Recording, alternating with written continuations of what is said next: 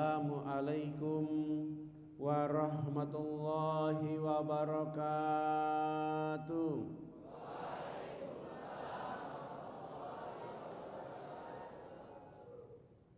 Innal hamdalillah nahmaduhu wa nasta'inuhu wa nastaghfiruh billahi min sururi anfusina wa min sayyiati a'malina. من يهد الله فلا مضل له ومن يضلل فلا هادي له.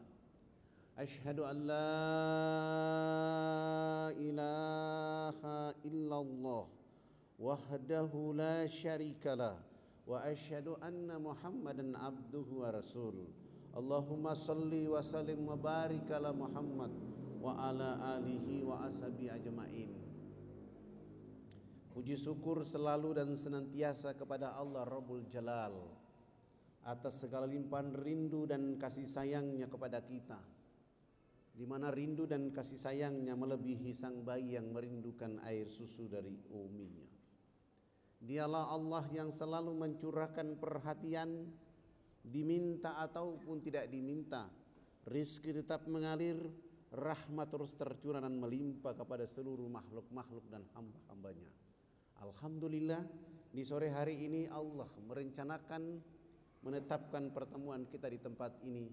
Semoga kita bertemu di tempat ini seperti sedang berada di dipan-dipan surga Allah Subhanahu wa taala. Salam tering salawat kepada Rasulullah Muhammad sallallahu alaihi wasallam. Keluarganya, sahabat-sahabatnya, tabi'in tabi'in dan pada akhirnya sampai kepada kita semua. Saudara-saudaraku yang dirahmati oleh Allah Subhanahu wa taala, pada kesempatan ini saya menyampaikan ribuan terima kasih kepada pondok pesantren ini yang telah memberikan kesempatan untuk saya bisa bersilaturahmi dengan jamaah semuanya. Semoga kesempatan ini menjadi kebaikan kita untuk terus dalam rangka di akhir kehidupan kelak nanti kita seperti ini di surganya Allah Subhanahu wa taala. Pertama, tadi Ustadz Saiful tidak memperkenalkan nama saya. Sekarang saya memperkenalkan nama saya sekaligus asal saya. Saya ini orang Irian asli. Kebetulan kena sampo dan sabung sehingga sedikit terang. Hari ini saya pakai baju warna merah putih karena ada orang bilang Ustadz itu anti NKRI, anti Pancasila, anti Bhinneka Tunggal Ika. Jadi saya tidak usah bicara, saya pakai baju ini orang sudah tahu NKRI. Dulu tahun 78 saya hijrah dari kampung saya di Fakfak menuju Makassar Waktu itu rambut saya kayak pohon beringin. Sudah hitam hitam keling keribu pula. Tiba di pelabuhan Makassar, saya bertemu dengan saudara-saudara saya di pelabuhan Makassar. Saya menyapa mereka dengan salam Assalamualaikum warahmatullahi wabarakatuh Tidak ada satupun yang mau membalas salam saya Sebagian orang di pelabuhan mengatakan Masa orang Islam rambutnya kayak begini? Bagi saya tidak apa-apa. Saya dari pelabuhan menuju ke tempat kos. Di saat menjelang sholat subuh saya menuju ke masjid. Di perjalanan menuju ke masjid saya ketemu dan berjumpa dengan ketua DKM masjid. Beliau lihat rambut saya, warna kulit saya langsung beliau tanya, "Kamu dari mana?" Saya jawab saya dari Irian.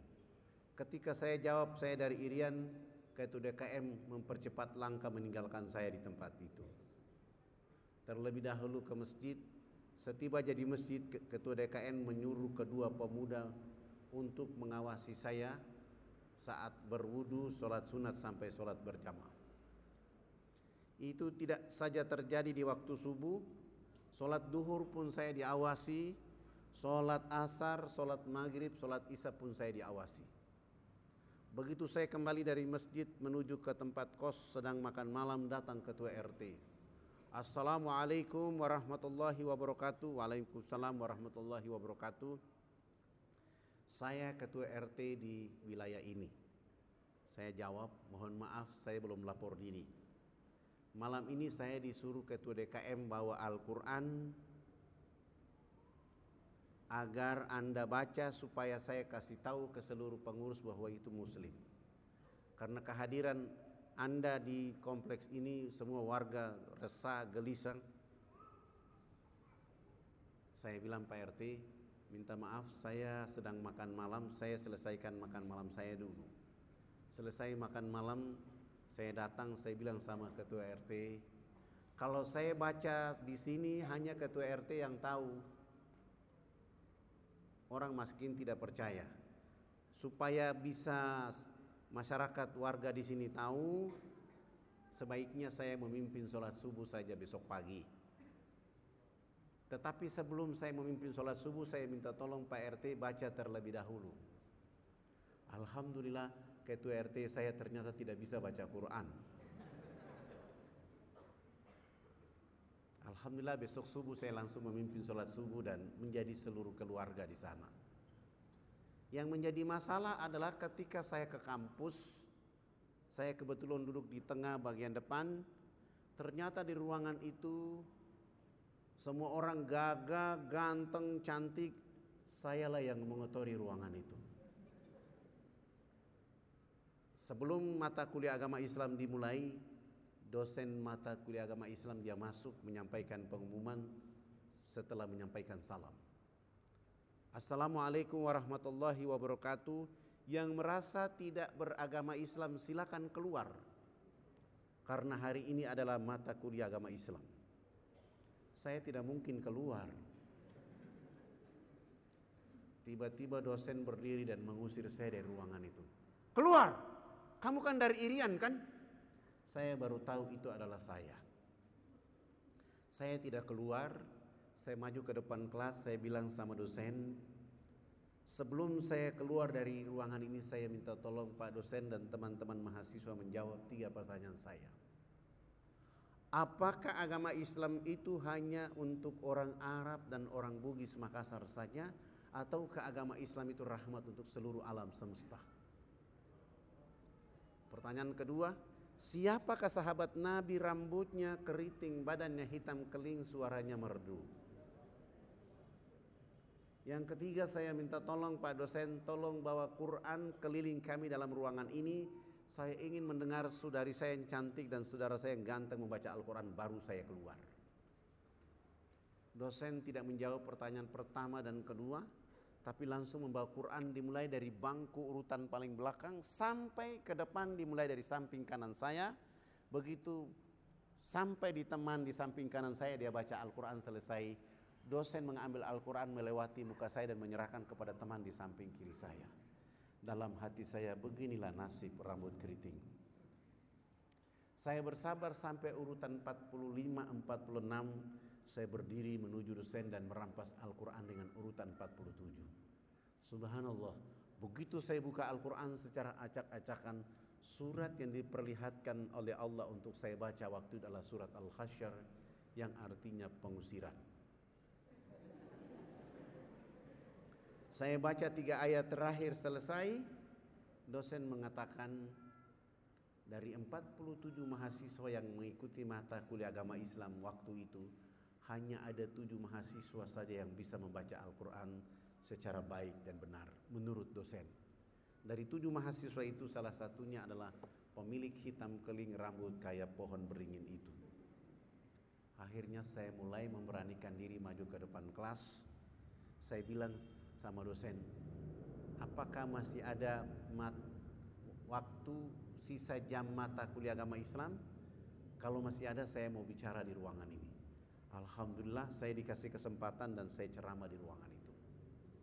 Al-Quranul Karim hudalin nasi wa bainati minal huda wal furqan. Al-Quran itu sesungguhnya adalah literatur yang sempurna dari Allah Tabaraka wa Ta'ala dijadikan mukjizat kepada Rasul Muhammad sallallahu alaihi wasallam dengan tujuan utama untuk mencerdaskan orang-orang di bumi agar mereka mampu membedakan mana yang halal, mana yang haram dan tujuan yang kedua adalah mencer, mencerahkan penduduk bumi untuk membedakan mana yang hak, mana yang batil. Hari ini mahasiswa Fakultas Ekonomi jurusan Studi Pembangunan hanya ada tujuh mahasiswa yang membaca Al-Quran. Saya tidak yakin kita akan bangun Indonesia menuju Thayyibatun Warabun Ghafur. Karena nanti kita belajar bicara kalkulus, logaritma, matematika, statistik, sementara huda linnas tidak bisa dibaca oleh orang-orang intelektual. Allah tidak pernah berfirman bahwa orang Arab yang paling keren. Allah juga tidak berfirman bahwa orang Irian yang paling keren. Allah hanya berfirman orang yang paling keren adalah mereka memiliki bendera inna akramakum indallahi atqakum.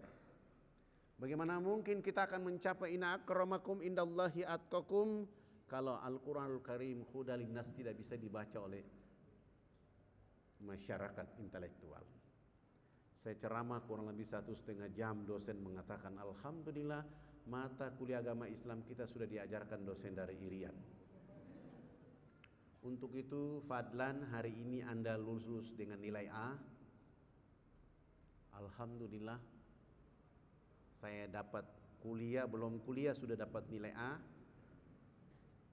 dan saya cepat-cepat sebelum keluar saya menyampaikan kepada teman-teman saya di ruangan bahwa dosen tidak salah, mahasiswa tidak salah, masyarakat di pelabuhan Makassar tidak salah, di tempat kos saya tidak salah karena opini sudah terlanjur dibuat di seluruh tanah air Indonesia bahwa cerita pulau ini pasti orangnya tidak beragama Islam.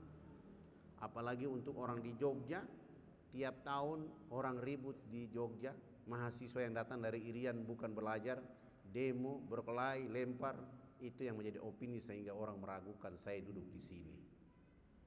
Tapi perlu diketahui oleh kita semua bahwa ini adalah negeri muslim. Dari agama-agama yang ada di pulau sana, agama yang pertama dan agama yang tertua adalah agama Islam. Sultan Malikul Soleh dari Samudra Pasai melakukan mengutus dai-nya melakukan perjalanan dakwah ke Kedah di Malaysia, Suluk Filipina, terus mereka melanjutkan perjalanan dakwah sampai di Tidore dan dari Tidore mereka masuk ke Irian pada tanggal 17 Juli 1214 Masehi. Mereka bertemu dengan kepala suku yang bernama Kris-Kris. Mereka berdakwah dan menyampaikan pesan dakwah dengan dua kalimat syahadat jika kamu mau hidup makmur, sejahtera, bahagia, kamu harus kenal alif lam lam ha, mim ha mim dal. Alif lam lam ha adalah Allah Subhanahu wa taala, mim ha mim dal adalah Rasulullah Muhammad sallallahu alaihi wasallam. Tidak saja agama Islam pertama kali masuk ke pulau sana, tahun 1517 Masehi Ibnu Batuta melakukan perjalanan dunia dan juga sampai di Merauke. Sementara agama Kristen baru masuk ke Irian pada tanggal 5 Februari 1855 dan yang membawa agama Kristen bukan pendeta, bukan pastor, orang Islam. Sultan Tidorela yang mengantar agama Kristen masuk ke Irian pada tanggal 5 Februari 1855 di Mansinam Manokwari sehingga orang-orang di Manokwari menyebut Manokwari kota Injil karena dasar cerita ini. Agama Katolik baru masuk ke Irian pada tanggal 14 Maret 1930. Jauh sebelumnya sudah ada agama Islam di sana. Tapi sejarah ini pun dihilangkan, tidak diperdengarkan, tidak diwartakan, tidak disiarkan kepada Indonesia Tengah, Indonesia Timur dan Indonesia Tengah bahkan Indonesia Barat dan masyarakat dunia. Situs-situs sejarah Islam pun dihilangkan. Di sana ada 12 kerajaan Islam rambut mereka keriting, badan mereka hitam keling, muslim.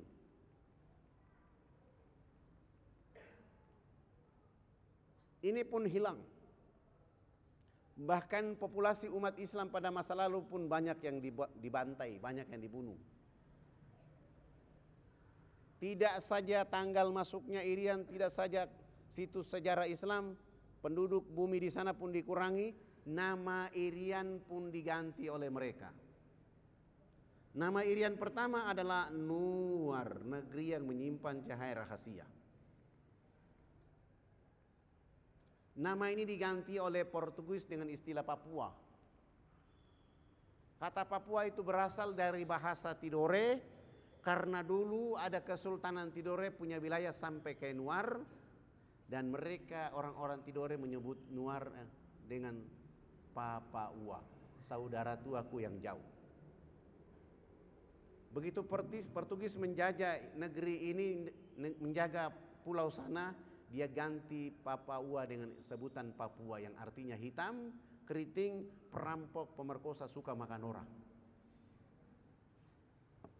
Begitu Belanda menjajah Indonesia, dia juga menggunakan istilah ini.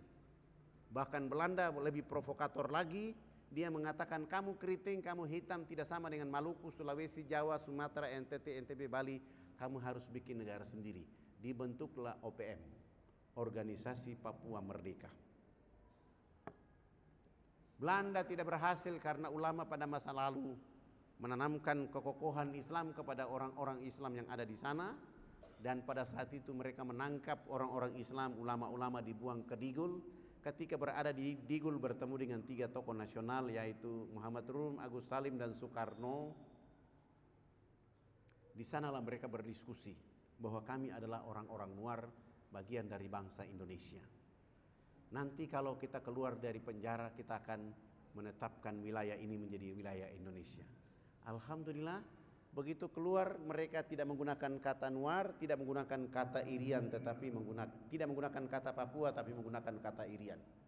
Kata Irian berasal dari tiga bahasa, bahasa Irak dari bahasa Biak dari kata Iriana bumi yang panas, bahasa Irarutu dari kata Iriano daratan yang besar, Ibnu Batuta pada tahun 1517 Masehi melihat sebagian orang telanjang di Merauke, dia menyebutnya Orian. Orian, Iriano dan Iriana ditetapkan pemerintah dalam konferensi Malino tahun 63 di Makassar menggunakan kata Irian ditambah Barat disebut Irian Barat dan akhirnya berubah menjadi Irian Jaya. Kata Irian itu artinya artinya politik ikut Republik Indonesia anti Nederland ditambah Jaya. Jadi Irian Jaya. Tahun 2002 ketika Abdurrahman Wahid jadi presiden, sekelompok orang yang ingin menggerogoti NKRI dengan cara mengganti Irian Jaya dengan nama Papua. Sehingga mereka yang menggunakan kata Papua itu terus mengancam keutuhan negara kesatuan Republik Indonesia. Irian tanpa Indonesia bukan Irian. Indonesia tanpa Irian bukan Indonesia. Antara Irian dan Indonesia satu kesatuan yang utuh sampai dunia kiamat yang hanya bisa diselamatkan dengan dakwah agama Islam.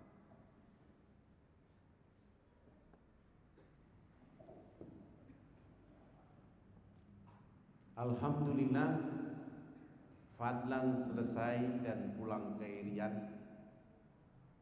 Tidak ke Fak-Fak tapi langsung ke Jayapura.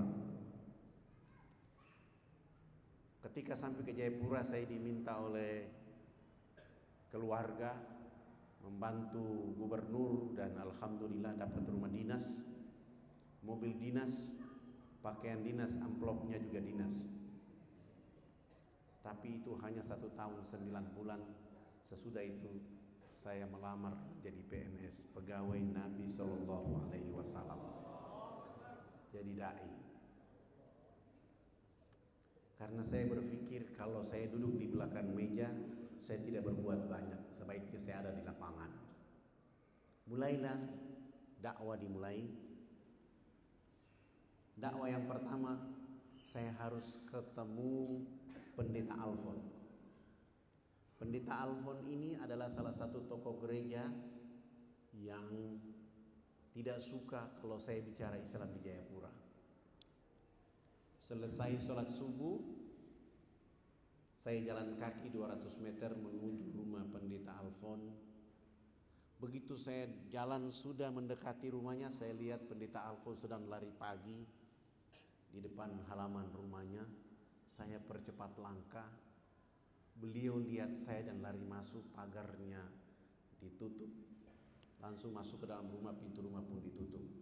Saya segera buka pintu pagar dan masuk ke dalam halaman. dan terus saya mengetuk pintu rumahnya di pagi hari itu. Selamat pagi. Istrinya dari dalam keluar. Pagi ada apa? Ibu saya mau ketemu pendeta Alfon. Istrinya mengatakan, mohon maaf bapak tidak ada di rumah. Dalam hati saya baru yang tadi lari masuk itu siapa? Saya pulang, besok pagi saya datang lagi. Selamat pagi. Anak tertua beliau yang keluar pagi, mohon maaf Bapak tidak ada di rumah.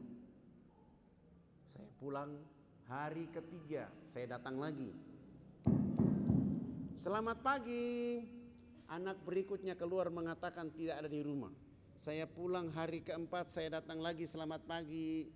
Istri beliau keluar mengatakan tidak ada di rumah. Saya pulang besok pagi hari kelima saya datang lagi selamat pagi. Istrinya masih tetap mengatakan tidak ada di rumah. Sampai satu bulan penuh saya mengetuk pintu rumah itu di tiap pagi. Saya tidak ketemu pendeta Alfon kecuali mendapatkan jawaban dari istri dan anaknya. Beliau tidak ada di rumah. Bulan kedua hari pertama tetap saja saya datang ke rumah itu. Selamat pagi. Yang keluar adalah istri beliau. Mohon maaf Bapak tidak ada di rumah. Saya pulang hari kedua, bulan kedua saya datang lagi. Selamat pagi. Anak beliau keluar mengatakan tidak ada di rumah. Hari ketiga bulan kedua saya datang selamat pagi, anak berikutnya keluar mengatakan tidak ada di rumah. Hari keempat saya datang selamat pagi, istrinya keluar mengatakan tidak ada di rumah. Hari kelima saya datang lagi selamat pagi, istrinya keluar terus mengatakan tidak ada di rumah. Sampai hari ke-15 saya belum tiba di rumah itu, istri dan anak pendeta sudah menunggu saya di depan rumah. Begitu saya menyapa selamat pagi, mereka mengancam saya. Anda ini tidak bosan tiap pagi datang ke rumah ini. Saya akan-akan tidak ada pekerjaan lain kecuali datang ke sini dulu baru ke mana-mana. Kami sudah bilang tidak ada pendeta di rumah saja mau datang ke sini. Saya pulang, Besok pagi hari ke-16 tetap saja saya datang ke rumah itu. Selamat pagi. Istri pendeta keluar mukanya bengkak melihat wajah saya. Pendeta tidak ada di rumah. Sampai dua bulan penuh saya tidak ketemu pendeta Alfon. Kecuali mendapatkan jawaban dari istri dan anaknya silih berganti mengatakan beliau tidak ada di rumah. Bulan ketiga hari pertama tetap saja saya datang ke rumah itu. Selamat pagi. Istrinya keluar mengatakan tidak ada di rumah. Saya pulang besok pagi hari kedua bulan ketiga saya datang lagi. Selamat pagi. Anak berikutnya keluar mengatakan tidak ada di rumah. Subhanallah. Begitu di hari ketiga bulan ketiga di pagi hari itu saya datang. Selamat pagi anak tertuanya keluar mengatakan pagi Pak Fadlan. Mohon maaf tadi malam Bapak jatuh sakit sehingga kami bawa ke rumah sakit.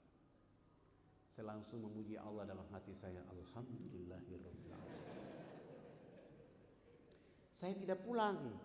Saya melanjutkan perjalanan dari rumah pendeta ke rumah sakit mencari tahu keadaan yang sebenarnya. Sampai di rumah sakit saya tanya di bagian informasi, mereka membenarkan Abang Pendeta Alfon masuk rumah sakit tadi malam dan sedang berada di kamar nomor 48. Saya tidak langsung ke kamar itu, saya keluar dulu rumah sakit ada orang jual buah-buahan di luar sana. Saya beli, saya suruh bungkus jadi parcel lalu saya pegang dan berjalan menuju kamar nomor 48. Setiba saya di depan pintu kamar itu saya ketuk dari luar.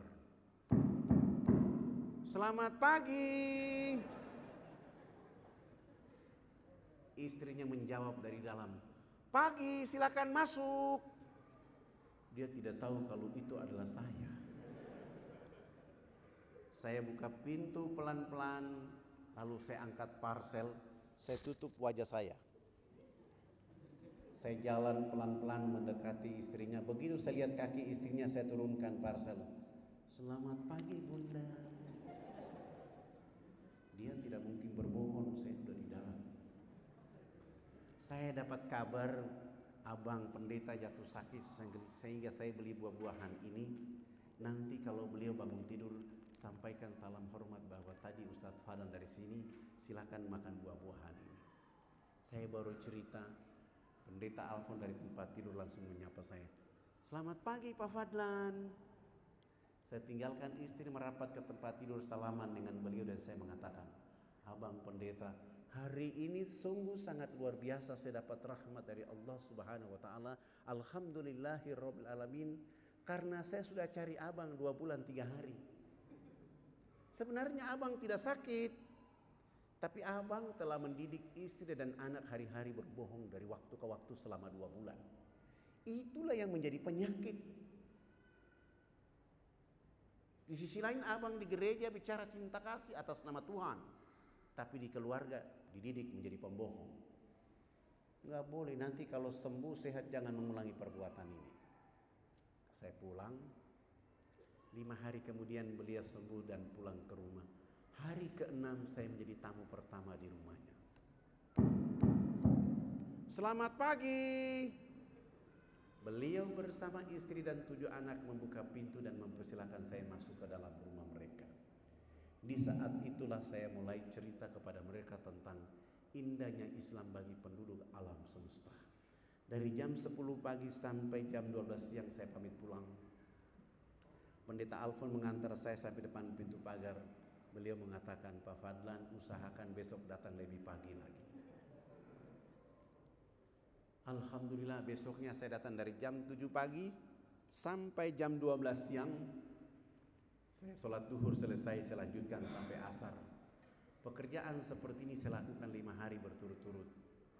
Menjelang waktu asar di hari kelima, Pendeta Alfon bersama istri dan tujuh anak menyatakan sikap hijrah mengucapkan dua kalimat syahadat. Begitu mereka mengucapkan dua kalimat syahadat, saya baru merasakan, oh inilah dakwah. Seandainya saya tidak bersabar mengetuk pintu rumah itu, keluarga ini tidak tersentuh dengan hidayah Allah.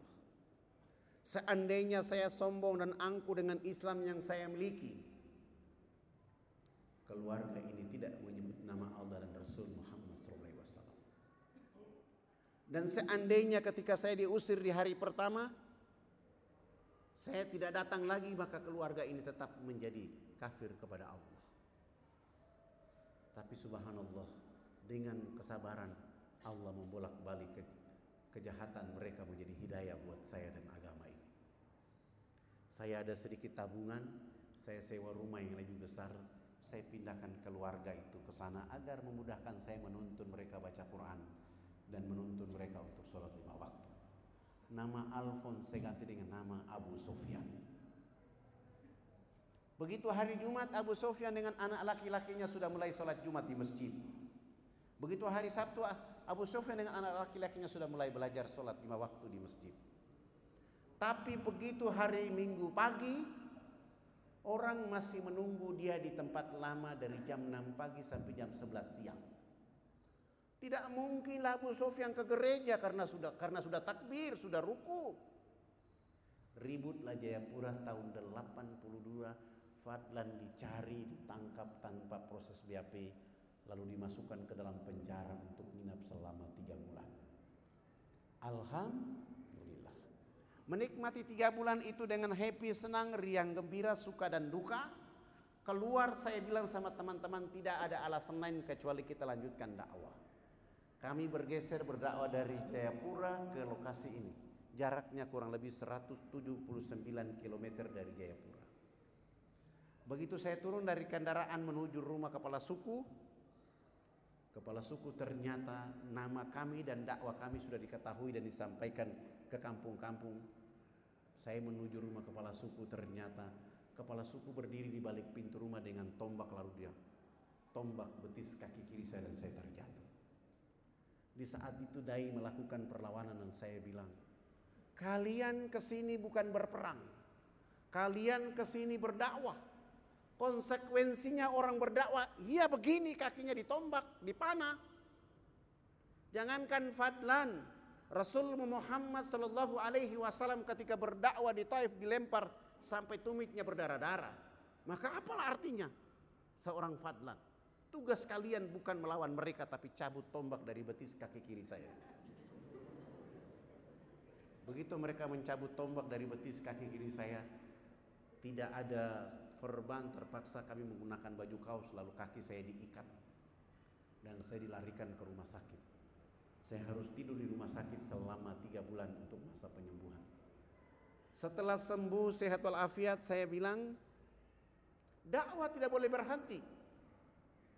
Dakwah harus terus mengalir seperti air yang mengalir. Kapan penduduk bumi kehausan? Ketika tidak ada air. Dan kapan tidak ada dakwah penduduk bumi hatinya kering kerontang tentang Allah dan Rasulnya. Tidak ada alasan lain kecuali kita kembali ke kampung ini lagi.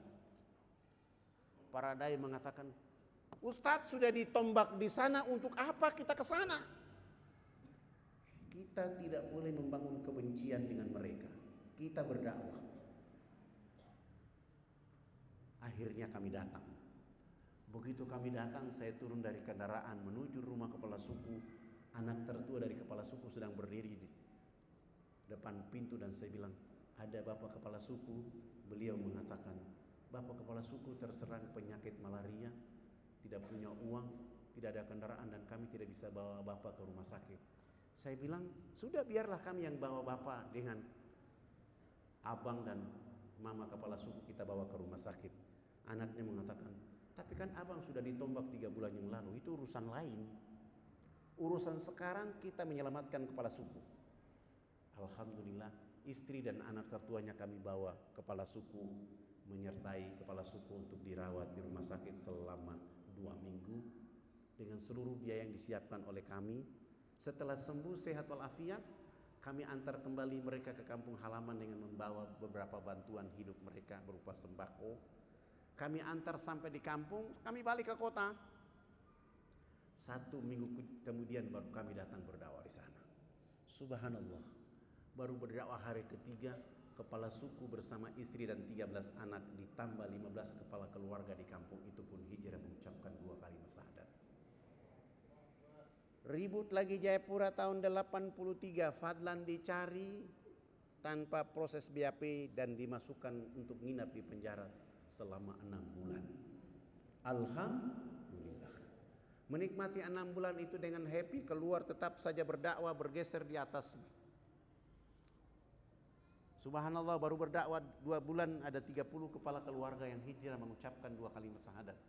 Ribut lagi Jayapura tahun 84 Fadlan dicari tahan lagi tanpa proses BAP untuk dimasukkan ke dalam penjara selama 9 bulan.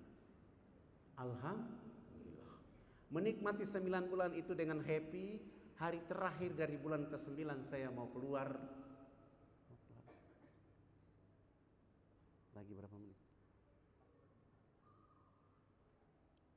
hari terakhir dari bulan ke sembilan saya mau keluar orang yang menangkap saya di tiga bulan pertama enam bulan kedua dan sembilan bulan yang ketiga dia datang buka gembok penjara itu dan dia maki-maki saya di sana Ruangan ini tidak ada orang lain yang masuk kecuali Anda ini. Tiap bulan, tiap tahun, Anda yang ada di ruangan. Kenapa Anda tidak takut dengan penjara ini? Abang, saya bukan maling, saya bukan pembunuh, saya bukan pemberontak, saya juga bukan penjahat. Saya hanya ingin mencerdaskan saudara-saudara saya di negeri ini agar pasti tunduk memuji Allah dan mengikuti Rasul Muhammad SAW. Silakan abang mau borgol saya kembali silakan.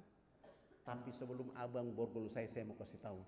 Orang kaya abang ini suatu saat akan ditangkap oleh Allah dan disiksa oleh Allah habis-habisan. Karena abang salah menangkap orang. Rupanya bahasa saya ini membuat dia ketakutan. Dan dia bilang sama saya, jangan kau kasih takut-takut saya. Subhanallah, dia tidak bawa pulang saya ke posko dakwah saya, justru beliau bawa pulang saya ke rumahnya. Setiba saya di rumah, dia suruh tunggu di ruang tamu, lalu dia bawa istri dan lima anaknya ke ruang tamu. Suruh saya cerita Islam kepada mereka dan ini dakwah saya yang paling tercepat.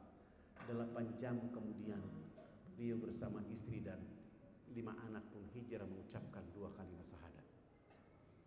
Saya mulai berpikir, oh tidak ada pekerjaan yang paling bergengsi di dunia ini kecuali dakwah.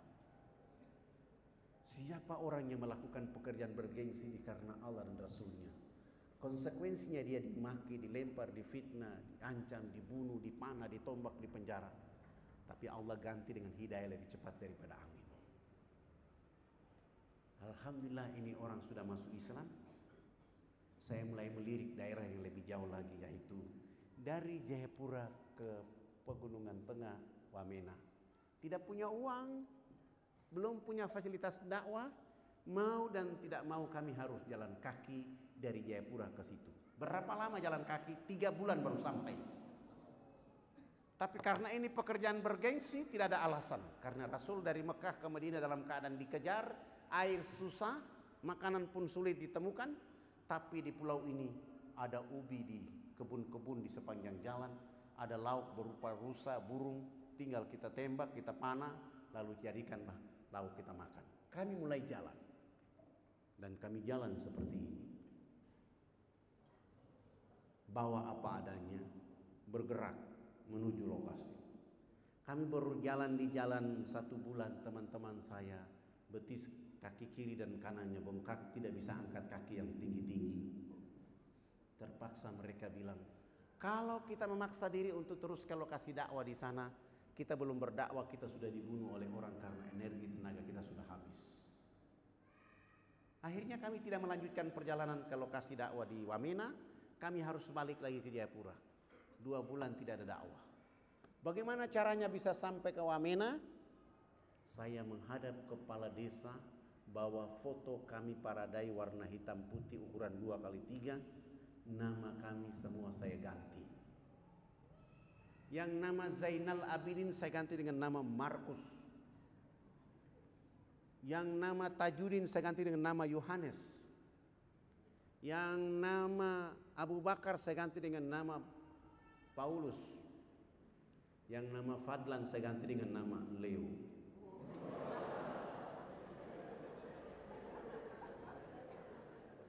Dengan cara ini baru kami bisa menumpang pesawat misionaris. Leo beli tiket, Paulus beli tiket, Yohanes beli tiket, kami semua diterima. Besok harus terbang. Sore hari itu kami mulai menyediakan modal dakwah berupa sabun mandi tujuh karton, sampo tujuh karton, odol sikat gigi tujuh karton dan pakaian layak pakai tujuh karton untuk mencoba memulai dakwah di sana. Pagi-pagi kami ke airport terbang. 45 menit kemudian kami tiba di lokasi ini. Kami disambut oleh saudara-saudara kami di sana tapi sayang mereka semua dalam keadaan telanjang. Mohon maaf ini bukan porno, ini keadaan yang terjadi. Mereka seperti ini.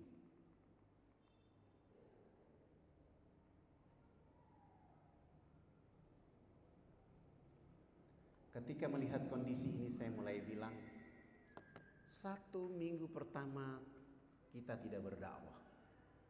Kita melakukan pendekatan dengan mereka dan mencari tahu kenapa sampai mereka begini dan siapa mereka sebenarnya. Begitu sudah approach dengan mereka, dekat dengan mereka, sudah akrab dengan mereka, saya tanya. Kenapa sampai Bapak Kepala Suku dengan masyarakat seperti ini, telanjang seperti begini? Kepala-kepala suku menjawab, kami dilarang misionaris tidak boleh pakai pakaian. Pakaian yang kami pakai seperti ini akan menjadi termahal di dunia suatu saat atas nama kebudayaan. Ternyata mereka tidak saja dilarang pakai pakaian, saudara-saudara kita di sana pun dilarang tidak boleh mandi menggunakan air bersih. Mereka man, boleh mandi dengan cara babi dibakar, minyak yang ditampung, setelah mereka makan itu babi, lemak minyaknya mereka pakai untuk lulur pada tubuh badan mereka. Alasan yang disampaikan misionaris itu untuk mengusir nyamuk. Sudah telanjang mandi pakai lemak babi mereka berdiri jarak 500 meter dari arah mata angin kita yang hancur. Bau yang tidak enak. Sudah dalam kondisi itu orang asing itu bawa minuman keras dari Australia melalui Port Moresby. Bawa masuk ke Fanimo, Fanimo dibawa masuk ke Kirom, dari Kirom diantar ke kampung-kampung. Kasih minum orang mabuk, ada yang teler tidur dengan babi dalam kandang. Ada ibu-ibu kita yang melahirkan di sana seperti binatang yang beranak di bawah pohon. Begitu bayinya keluar dari rahimnya, untuk memutuskan plasenta dengan bayi mereka pakai ujung batu yang tajam. Sesudah itu ibu manusia dilarang untuk menyusui anak kandung dengan air susu di sebelah kanan. Dia hanya boleh menyusui anak kandung dengan air susu di sebelah kiri, sebelah kiri, sementara air susu di sebelah kanan dipakai untuk menyusui anak babi.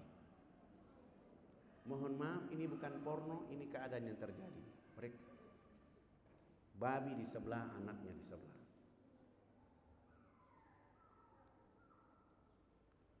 Apa yang dimaksud oleh orang asing di negeri yang merdeka itu? Apa yang dimaksud oleh orang asing di negara yang berkedaulatan di timur Indonesia itu? Orang Irian tetap tertinggal, terbelakang, miskin, bodoh.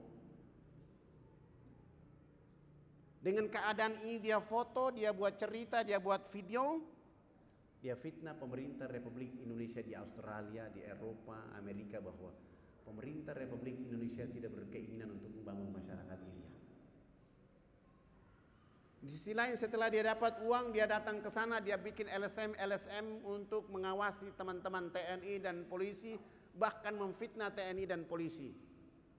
Sesudah itu dia bawa masuk minuman keras kasih minum saudara-saudara kita di sana mereka minum mabuk lalu dia minta jejak pendapat kamu mau NKRI atau keluar.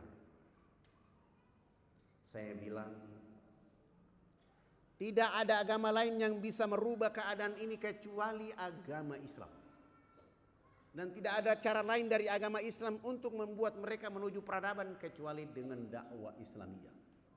Allah Subhanahu wa taala dalam surat 16 ayat 125 A'udzu billahi minasyaitonir rajim ud'u ila sabili rabbika bil hikmah wal mau'izatil hasanah wajadilhum billati hi ahsan. Serulah manusia ke dalam agama Tuhanmu dengan arif, bijaksana, penuh hikmah. Berdialog, berdebat dengan mereka juga dengan penuh hikmah. Saya tadabur ayat ini dengan cara berdakwah menggunakan sabun mandi. Minggu kedua hari pertama dakwah dimulai. Saya bawa kepala sukunya ke pinggir sungai. Sampai di pinggir sungai saya bilang bapak kotekanya dibuka dulu. Begitu koteka dibuka saya bilang ayo kita loncat masuk dalam sungai. Pagi-pagi itu kami jebur masuk dalam sungai. Naik dari sungai saya suruh dai berdiri di depan dengan sabun, sampo, odol dan sikat gigi mereka. Saya di belakang mereka dan kepala suku di samping kanan saya. Saya ambil satu sabun, saya bilang bapak kepala suku ikut gerakan kami. Begitu kami gosok sabun di sebelah kanan, kepala suku ikut gosok sabun di sebelah kanan. Kami gosok sabun di sebelah kiri, kepala suku ikut gosok sabun di sebelah kiri. Tubuh badan kami sudah penuh dengan busa sabun. Saya ambil sabun dari tangan kepala suku, saya ganti dengan sampo satu botol. Rambut kami orang Irian itu kalau belum kena air dengan sampo, itu rambut tenang-tenang saja. Kepala suku begitu dia siram sampo di rambutnya dia keramas. Rambut keribu keriting itu dia mekar kayak bunga yang berkembang. Busa sampo itu makin tinggi. Begitu makin tinggi jatuh kena hidung kepala suku. Kepala suku mencium harum dari bau sampo langsung pergi. Tidak mau lagi bilas dengan air.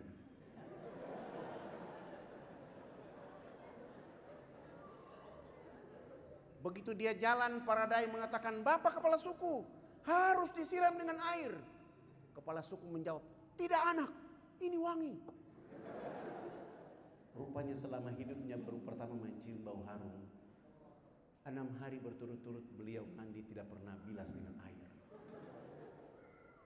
Di hari keenam bersama kami kembali jebur ke dalam sungai naik sama-sama gosok sabun sampo kami yang lain kembali jebur ke dalam sungai untuk bilas kepala suku naik pasang koteka dan berjalan. Kelihatan busa berjalan kayak kuntilanak. Kena matahari busa sampo itu kering di rambut, busa sampo, sabun kering di badan. Kepala suku langsung ke kebun bekerja seperti biasa seorang petani. Jam 2 siang dia pulang dari kebun. Perjalanan pulang dari kebun Allah turunkan rahmat berupa hujan kena di tubuh badannya busa sampo dan sabun yang tadi kering muncul kembali. Beliau gosok-gosok sampai hilang itu busa sampo dan sabun. Allah ganti dengan kesegaran jasmani.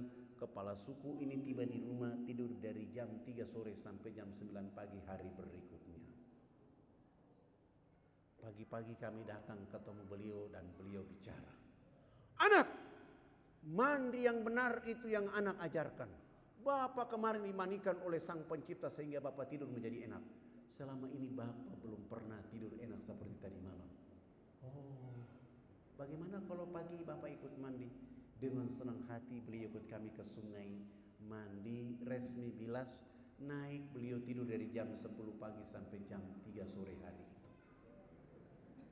Begitu dia bangun tidur di sana ada kecerdasan dan di sana sudah mulai ada pencerahan. Dimulai kampanye kepada masyarakat adat beliau. Besok pagi yang berkumpul di lapangan dekat sungai itu sebanyak 3.712 orang. Tua, muda, besar, kecil, laki, perempuan datang untuk mengikuti materi mandi menggunakan sabun mandi yang kami bawa.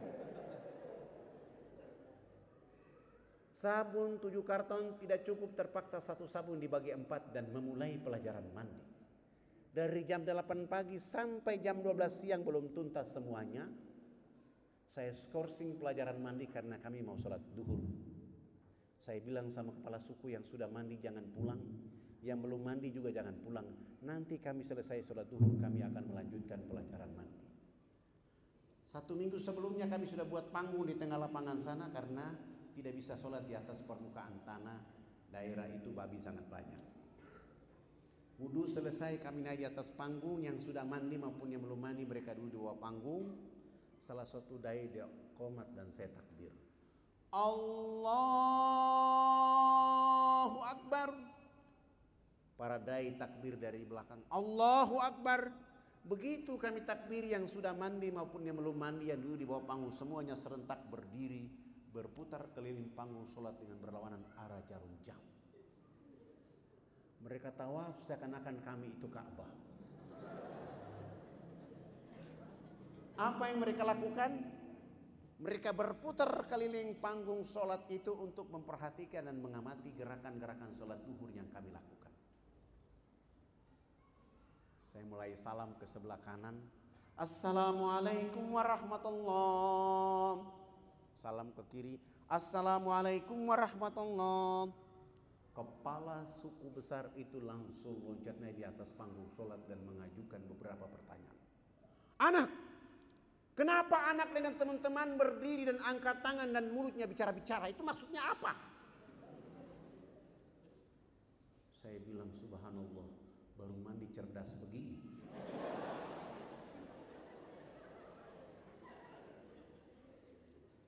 saya mulai jawab jawaban yang bisa masuk di akal pikiran mereka. Bapak kepala suku mama-mama dan masyarakat, kami 20 orang ini agama kami Islam. Dalam agama kami, kami diperintahkan Tuhan Allah Sang Pencipta. Dalam satu hari lima kali kami menghadapnya di saat dan waktu yang ditentukan. Tadi kami berdiri mengangkat tangan itu artinya kami menyerahkan sepenuhnya kami punya diri, kami punya jiwa, kami punya raga dan kami punya kehidupan kepada Tuhan Allah. Dan yang kami bicara-bicara itu adalah Allah Maha Besar, diri kami, raga kami dan kehidupan ini kecil sehingga tangan kiri kami malu menutup dada kami. Tangan kanan kami pun malu menutup tangan kiri dan dada terserah Allah.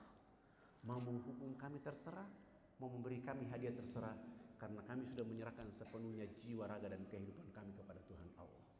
Begitu kepala suku mendengar penjelasan saya langsung beliau mengatakan, "Oh, ini agama yang benar." Menurut Bapak kami sudah Islam. Tapi kenapa sesudah itu anak dengan teman-teman bongkok badan? Kenapa ruku? Saya jawab, kami bongkok badan itu supaya melihat di bumi ada tanah, ada pasir, ada batu, ada air, ada hewan, ada tumbuhan. Semuanya itu fasilitas dari Tuhan Allah kepada manusia. Dinikmati, dipelihara, dilindungi karena masih ada manusia berikutnya. Ah, ini agama yang benar. Menurut Bapak kami sudah Islam. Tapi kenapa sesudah itu anak dengan teman-teman tunduk mencium papan? Apalagi artinya itu? Kenapa sujud? Saya jawab, kami tunduk mencium papan pertanda kami menangis atas kejahatan, maksiat, dosa yang kami lakukan di bumi. Kenapa kami lakukan itu? Sebentar kami mati nanti kami punya kulit, daging, darah, tulang akan dilebur menjadi tanah. Sebelum dilebur menjadi tanah, Kami menyatukan telapak tangan, kepala, lutut dan kaki, menangis minta ampun kepada Dia Allah yang Maha Tinggi. Tapi kenapa sesudah itu anak dengan teman-teman lihat ke sebelah kanan mulutnya bicara-bicara, lihat ke sebelah kiri masih bicara-bicara. Salam dia bilang bicara-bicara. Saya jawab, kalau tadi kami mengangkat tangan dalam menyerahkan sepenuhnya jiwa raga dan kehidupan kami kepada Tuhan Allah. Kami bongkok badan untuk melihat apa yang diberikan oleh Allah. Sesudah itu minta ampun, selesai minta ampun, kami lihat ke sebelah kanan kalau di tempat ini belum ada orang yang tahu mandi. Tugas kami datang untuk mengajarkan orang bisa tahu mandi. Melihat ke sebelah kanan kalau di tempat ini belum ada orang yang tahu berpakaian, tugas kami mencari pakaian untuk menutup tubuh badannya dengan pakaian. Ada yang lapar, tugas kami mencari makan. Ada yang sakit, tugas kami mencari obat. Sesudah itu melihat ke sebelah kiri, kalau di tempat ini belum ada orang yang mengenal Allah dan Rasulnya, kami datang ke sini untuk memperkenalkan Allah dan Rasulnya kepada mereka. Begitu mendengar penjelasan saya, kepala-kepala adat itu mempersilahkan saya turun duduk bergabung dengan masyarakat di bawah. Mereka enam kepala adat dan suku naik di atas panggung. Bukan sholat tapi rapat membahas kehadiran kami di sana. Setelah rapat satu setengah jam kemudian kepala suku besarnya berdiri dan menyampaikan pengumuman. Wah wah wah wah wah ya. Saya kasih contoh seakan-akan saya kepala suku Bapak Ibu lah warga waktu. Saya sendiri tidak tahu artinya. Dan daerah yang punya bahasa daerah terbanyak di dunia adalah pulau ini. 424 bahasa. Bahasa pemersatunya adalah bahasa Indonesia. Saya tanya kepada orang yang ada di samping saya, apa yang dimaksud oleh Bapak Kepala Suku tadi? Subhanallah. Terjemahkannya mengharukan kami para dai. Hari ini kita senang Anak-anak ini sudah datang mengajarkan agama yang benar di kampung kita. Maka tidak ada alasan lain dalam rapat kami sepakat bahwa kita semua yang ada di sini masuk ke dalam agama anak-anak ini. Begitu mendengar kalimat itu kami 20 orang langsung sujud syukur dan menangis kepada Allah. Malu karena berdakwah dengan sabun Allah hadirkan hidayah untuk mereka. Bukankah kami mayoritas di negeri ini tapi berdakwah dengan cara begini? Lalu saya menguatkan hati saya untuk membimbing mereka mengucapkan dua kali bersyahadat. Saya mulai bilang, ikuti kata-kata saya. Ashhadu an la ilaha illallah wa asyhadu anna Muhammad Rasulullah. Ya Allah, mereka dalam keadaan telanjang, mereka dalam keadaan terbelakang, tertinggal, Hari ini dakwah sampai di hati mereka, dakwah tiba di negeri mereka. Engkau menyampaikan hidayah untuk mereka ya Allah. Jaga negeri ini, jaga dakwah agamamu ini ya Allah. 3712 orang tanpa beban kecuali mengakui Allah menjadi Tuhan mereka dan Rasul menjadi utusan. Selama satu pekan itu kami tidak sanggup menahan air mata oleh karena melihat keadaan karena kami datang dengan membawa apa yang tidak menjadi manfaat bagi mereka dalam hidup, tapi Allah menghadirkan hidayah di tempat itu. Proyek berikutnya adalah kami ganti nama-nama mereka. Yang nama Markus kami ganti dengan nama Zainal Abidin. Yang nama Paulus kami ganti nama dengan nama Tajudin. Yang nama Yohanes kami ganti nama dengan nama Jamaluddin. Dan itu nama-nama yang paling keren untuk orang Irian masuk Islam. Sangat lucu kalau orang Irian masuk Islam rambutnya keriting, badannya hitam keling dipanggil Purnomo.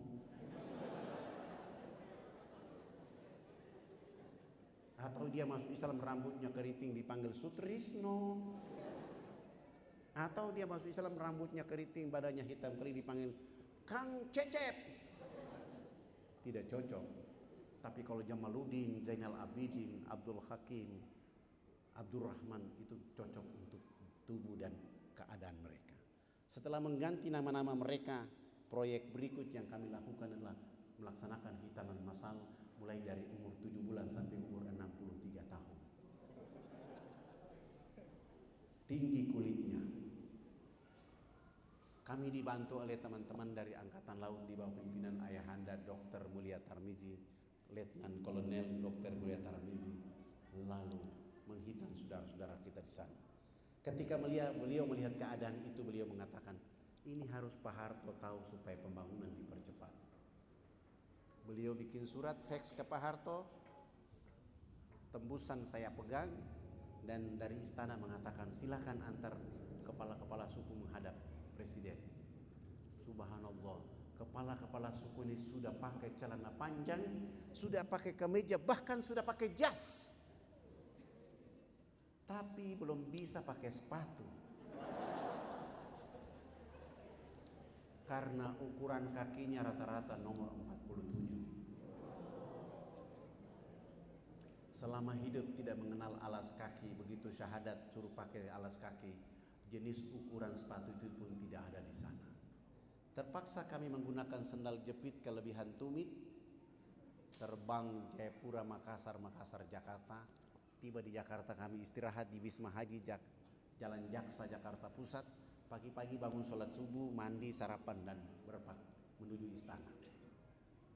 Begitu kami sampai ke istana bagian protokoler mengatakan pertemuan pagi hari ini jam 10 ditunda. Dan tempat pertemuan bukan lagi di istana tapi dipindahkan ke rumah Pak Harto di jam 5 sore. Kami kembali lagi ke Wisma Haji Jalan Jaksa, makan siang, sholat duhur, istirahat, bangun, sholat asar, pakaian dan menuju ke istana. Subhanallah. Begitu kami datang seorang Soeharto berdiri di depan pintu rumahnya bersalaman berpelukan dengan warga negara dengan senyum ciri khasnya itu. Kami dibawa masuk ke dalam rumah dikasih makan, dikasih minum, oleh-oleh sudah disiapkan, bahkan dikasih uang tiket. Sebelum diserahkan itu oleh-oleh, Pak Harto minta supaya kepala suku besarnya bicara konferensi pers. Lalu kepala suku besar bicara. Bapak tidak pantas jadi presiden. Presiden macam apa hanya bangun Makassar, presiden macam apa hanya bangun Jakarta. Pemilu nanti saya akan bicara supaya Haji Muhammad Soeharto tidak boleh dipilih lagi jadi presiden. Kepala suku bicara pakai bahasa daerah, Pak Harto juga tidak tahu. Tapi di wajah seorang Soeharto tidak ada mimik atau wajah prasangka negatif, buruk, tapi justru beliau minta segera diterjemahkan. Tidak mungkinlah saya menerjemahkan seperti itu. Dan itu rasanya tidak mungkin. Tapi saya mengambil makna yang disampaikan oleh kepala suku dan saya bilang, Bapak Presiden yang terhormat, hari ini kepala-kepala suku sungguh bahagia bisa bertemu dengan Bapak Presiden dan kepala suku besar tadi mengatakan Haji Muhammad Soeharto layak jadi Bapak Pembangunan Nasional. Dengan cara ini Pak Harto langsung menelpon Menteri Agama, kepala-kepala suku itu diberangkatkan haji pada tahun itu juga. Dengan cara ini Pak Harto menelpon Menteri Sosial, kami dibantu 19, 917 unit rumah layak huni dengan proyek ABRI masuk desa. Pak Harto pun menyumbang 1000 karung pakaian 600 karton sabun, 600 karton sampo, odol sikat gigi, dan Pak Harto pun menyumbang 28 masjid kepada 28 kampung yang hijrah mengucapkan dua kalimat syahadat dan Pak Harto pun mengatakan dakwah Jakarta ke kampung sana tidak menggunakan kapal laut tapi menggunakan pesawat Hercules dari Halim Perdana Kusuma. Alhamdulillah Soeharto dengan pikiran sederhana dakwah di sana hidup bahkan anak-anak dibawa untuk dititip di Muhammadiyah Prambanan Yogyakarta, Semarang, Malang, Surakarta, lain-lain sebagainya. Hari ini Pak Harto sudah tidak ada, tapi bukti dakwah beliau menyegarkan masyarakat. Sebelum saya akhiri, ada permintaan terhormat untuk ahwat-ahwat yang belum menikah dan bapak-bapak yang sudah menikah ataupun pemuda yang belum menikah. Mari kita bangun Indonesia. Kenapa perlu dakwah di Irian? Tidak ada negara di dunia yang punya tiga waktu kecuali Indonesia. Indonesia Timur, Indonesia Tengah, dan Indonesia Barat. Dan orang yang pertama sholat subuh di Republik Indonesia bukan orang Jogja. Harus jujur itu. Bukan orang Jogja. Yang pertama sholat subuh, sholat duhur, sholat asar, sholat maghrib, sholat isya, sholat idul fitri, sholat jumat, buka puasa pertama adalah orang Irian. Dua jam kemudian baru orang di Jogja sini. Seandainya menjelang fajar menyingsing tidak ada orang yang bertakbir Allahu Akbar. Datang Indonesia Tengah ada orang takbir Allahu Akbar. Datang Indonesia Barat ada orang Allahu Akbar.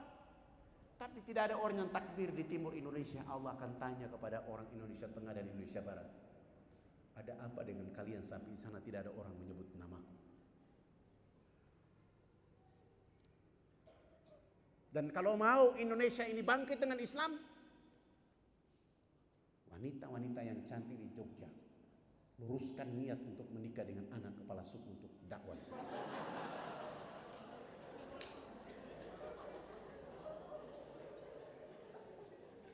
Wahai pemuda-pemuda Yogyakarta, wahai pemuda Nyafa, biarkan wanita-wanita yang ada di sini dipersunting dengan laki-laki pemuda muslim dari sana. Tugas kamu Tugas antum adalah pergilah ke sana menikah dengan anak perempuan kepala suku. Dengan cara inilah kita buat kekuatan dakwah datang. Begitu juga kepada yang sudah menikah, tambah lagi dengan anak kepala suku di India. Maka yang terjadi adalah keserasian dakwah melalui pernikahan.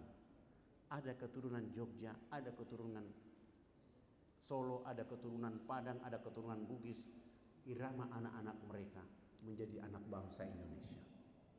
Sehingga kekuatan NKRI terjaga, Islam pun tumbuh oleh karena semua perhatian. Silahkan ada yang mau bertanya saya persilahkan. Ini langsung melamar.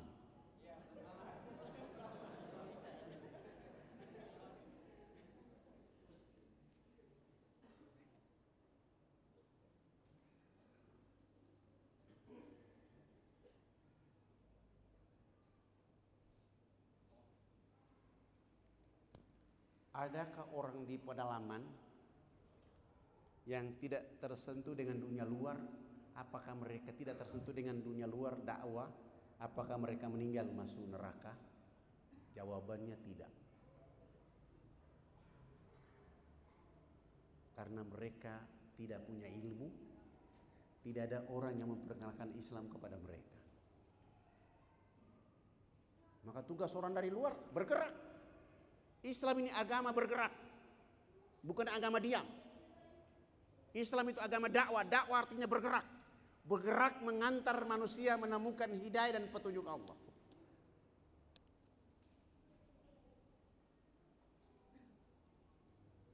Bagaimana dia mau masuk surga dia tidak tidak tahu Islam. Bagaimana dia mau masuk neraka dia juga tidak tahu Islam.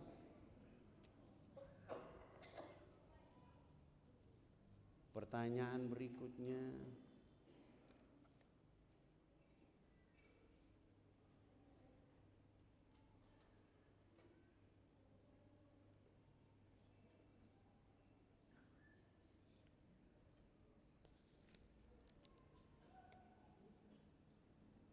Terasa rasa sulit itu mendakwai orang Islam daripada mendakwai orang yang belum Islam.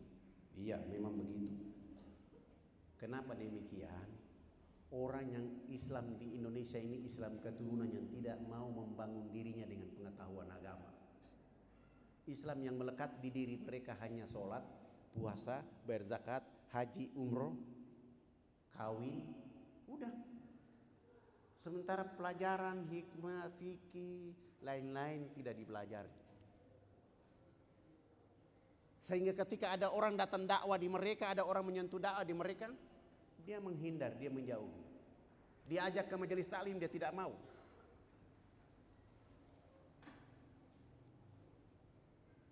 Apakah cobaan terberat dalam dakwah? Tidak ada. Dalam dakwah tidak ada cobaan yang berat. Karena itu sudah dibuktikan oleh para nabi mulai dari Nabi Adam sampai Rasul Muhammad SAW. Jangan coba-coba menyampaikan mengatakan bahwa dakwah itu berat. Tantangan apa pun yang kita hadapi dalam dakwah itu adalah vitamin dakwah. Itu adalah kapsul-kapsul untuk mendorong kita terus berdakwah, tidak boleh berhenti. Jadi tidak ada tantangan dalam dakwah. Kalau antum dipanah, ditombak, di penjara itu vitamin. Dan tidak boleh ada pemuda Islam yang begitu ditangkap masuk penjara keluar langsung tidak berdakwah lagi. Karena dia berdakwah ditangkap. Tidak boleh ada pemuda Islam yang begitu dia berdakwah, dia difitnah lalu dia mundur dari dakwah itu. Tidak boleh. Tapi dia terus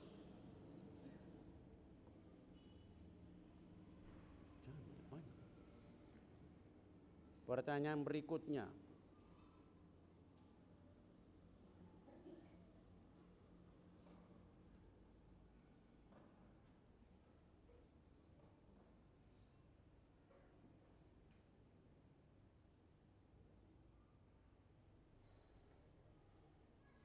Bagaimana caranya kita bisa aktif dalam dakwah?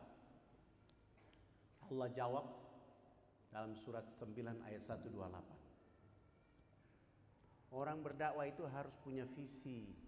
Visinya sudah digambarkan oleh Allah dalam surat 9 ayat 128. Kalimat kata-katanya sederhana. Anitum harisum alaikum. Tujuan berdakwah bukan dihormati. Bukan mencari popularitas Bukan untuk disanjung, dipuji, dikatakan hebat, bukan.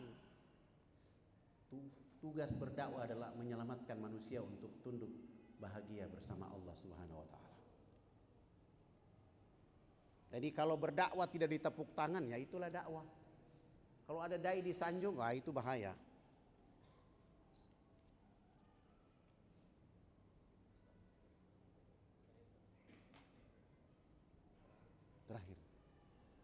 Bagaimana caranya berdakwah kepada teman yang beragama bukan Islam? Oh, itu bagus. Dakwah itu kepada dua kelompok manusia di bumi. Pertama kepada orang kafir. Kenapa harus kepada orang kafir dan itu ambisi dari Rasul?